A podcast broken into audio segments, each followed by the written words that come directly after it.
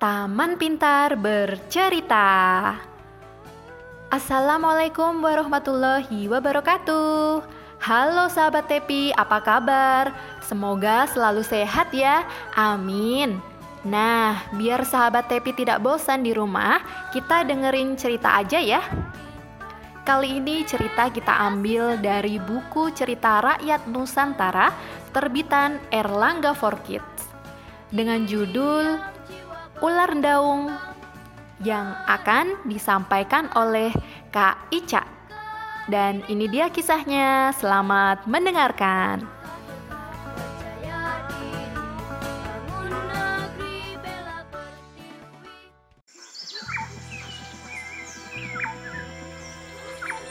Alkisah di Bengkulu, hiduplah janda tua bersama tiga orang putrinya.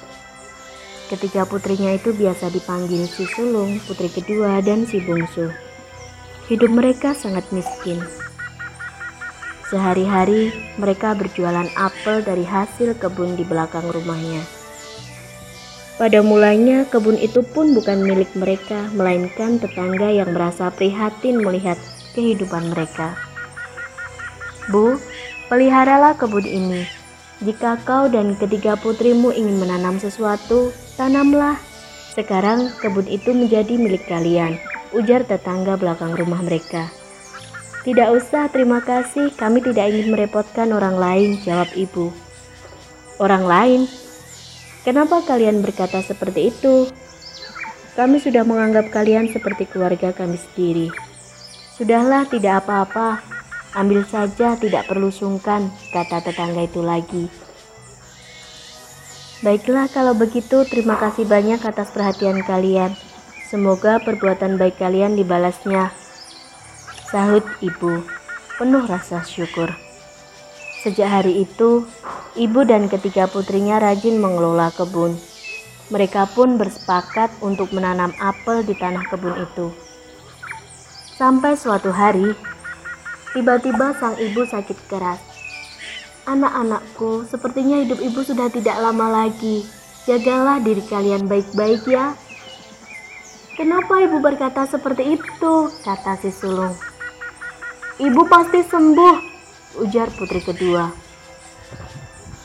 Iya, kami sudah mengambil orang pintar untuk mengobati ibu. Sebentar lagi ia akan datang. Sabar ya, Bu, tambah si bungsu. Setibanya di rumah janda tua, orang pintar itu langsung memeriksa kondisi kesehatannya. Ternyata orang pintar itu pun tidak sanggup mengobati. Ia berkata, "Ibu kalian menderita sakit yang sangat parah. Dia hanya akan sembuh jika diberikan obat khusus." "Apa obat khusus itu?" tanya ketika kompak. Kalian harus memasak dedaunan hutan menggunakan bara gaib dari puncak gunung.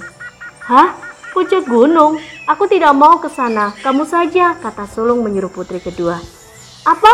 Kenapa aku? Aku tidak mau, bantahnya. Kedua gadis itu tidak ada yang berani ke puncak gunung. Mereka takut ular gaib akan menerkam mereka. Konon kabarnya, ular gaib itu akan memangsa siapa saja yang mencoba mendekatinya. Namun si bungsu tidak merasa takut. Biar aku saja yang berangkat. Akhirnya si bungsu pergi ke puncak gunung. Ia membawa perbekalan secukupnya. Si bungsu tidak ditemani siapa-siapa.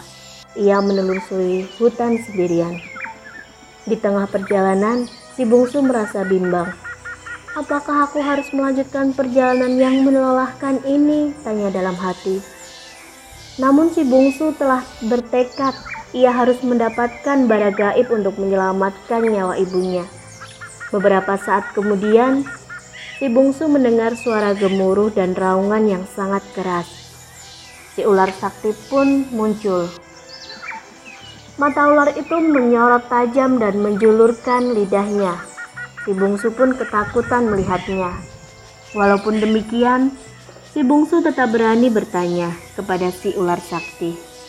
Wahai ular sakti, maukah kamu memberikan bara gaib sebagai obat ibuku yang sakit keras? Satu saja, mohon si bungsu. Tanpa diduga, si ular menjawab dengan ramah. Boleh saja asal kau bersedia menjadi istriku. Si bungsu tidak ber berpikir lama lagi. Ia langsung menyanggupi persyaratan sang ular. Namun si bungsu tidak bisa memenuhi persyaratan sang ular tersebut saat itu juga. Ia harus pulang ke rumah terlebih dahulu. Ibu dan kedua kakaknya tengah menanti kedatangannya.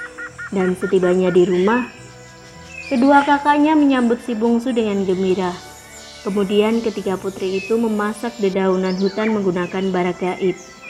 Akhirnya mereka berhasil membuat obat khusus bagi sang ibu. Sejak itu kesehatan sang ibu semakin membaik. Dan keesokan harinya, saat matahari mulai meninggi, si bungsu kembali menyiapkan perbekalan. Ia akan menemui ular sakti. Ular sakti itu bernama ular daung. Nak, kamu yakin akan mengunjungi ular sakti itu? Tanya sang ibu penuh rasa khawatir. Tentu saja, Bu. Aku sudah berjanji untuk bersedia menjadi istrinya. Tapi ibu tidak perlu khawatir, aku yakin kalau sebenarnya ular sakti itu tidak jahat. Ya sudah, kalau memang itu keputusanmu, ibu hanya bisa berdoa semoga engkau selamat dan cepat kembali ke rumah. Baiklah bu, doakan aku ya. Tentu saja nak, berhati-hatilah. Selama di perjalanan, si bungsu pun sempat ragu. Sebenarnya ia merasa takut bertemu dengan ular sakti namun ia tidak ingin membuat ibunya khawatir.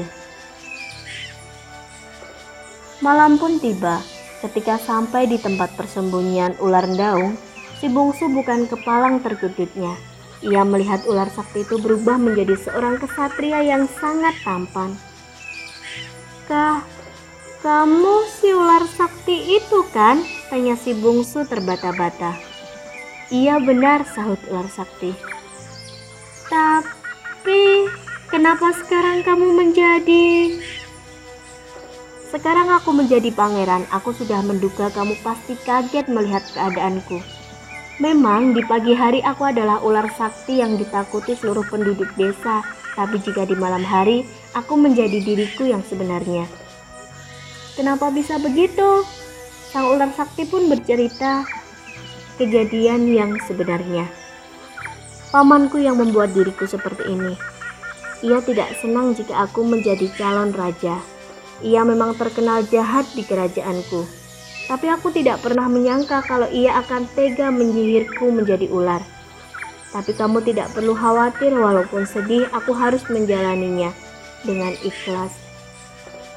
Aku hanya bisa berharap ada orang yang secara sukarela membakar kulitku. Membakar kulitmu? Apa maksudmu? kamu bisa terluka. Memang terluka, tapi aku bisa kembali ke wujudku yang semula.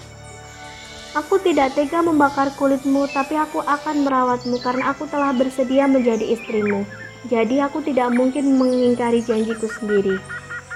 Setahun telah berlalu. Sang ibu benar-benar kembali sehat. Ia hidup bahagia dengan kedua putrinya. Suatu hari, si sulung dan adiknya ingin bertemu dengan si bungsu. Mereka penasaran dengan kehidupan si bungsu. Bagaimana mungkin si bungsu mau menikah dengan seekor ular? Apa ia tidak takut? kata si sulung. Akhirnya mereka pun berencana pergi ke puncak gunung. Sampai di sana, mereka tidak menjumpai si ular sakti melainkan seorang pangeran tampan. Aneh, di mana ular yang menakutkan itu? Jangan-jangan ia telah berubah menjadi seorang pangeran tampan yang baik hati. Dugaan mereka memang benar, mereka pun merencanakan sesuatu yang jahat bagi si bungsu dan suaminya.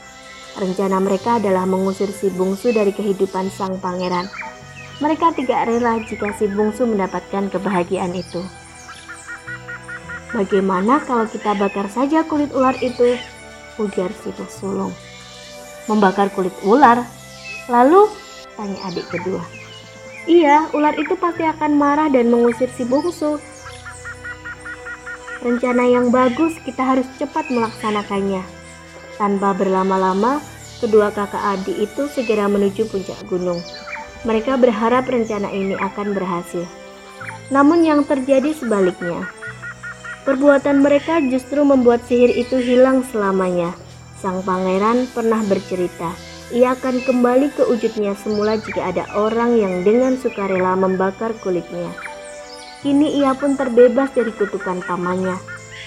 Wahai istriku, lihatlah, ujar sang pangeran sambil menunjukkan sihir pamannya yang telah hilang.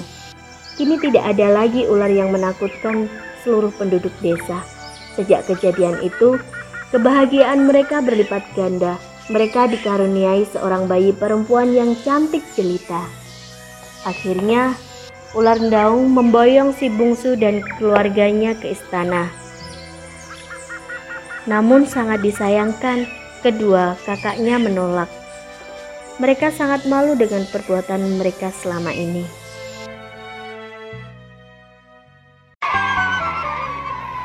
Nah, sahabat Tepi, demikian cerita yang dapat kita dengarkan. Gimana? Seru kan? Oh iya, ada yang tahu nggak kira-kira pesan moral apa yang bisa kita ambil dari cerita tadi? Ada yang tahu? Ya, yang tahu angkat tangan ya. Ya, betul banget. Yeay, betul. Pokoknya semuanya hebat. Jadi, sahabat Tepi sekalian, pesan moral dari ular daung tadi adalah semua pengorbanan yang kita lakukan bagi orang yang kita sayangi tentu tidak akan sia-sia. Semua niat tulus dan kegigihan kita pasti akan membuahkan hasil yang baik. Nah, demikian cerita pada hari ini. Tetap pantengin podcast Taman Pintar Bercerita biar di rumah ajanya tetap seru dan bahagia. Oh iya, jangan lupa ya tetap jaga kesehatan, jaga kebersihan dan selalu ceria. Wassalamualaikum warahmatullahi wabarakatuh. Taman Pintar Yogyakarta mencerdaskan dan menyenangkan. Salam pintar. Salam pintar.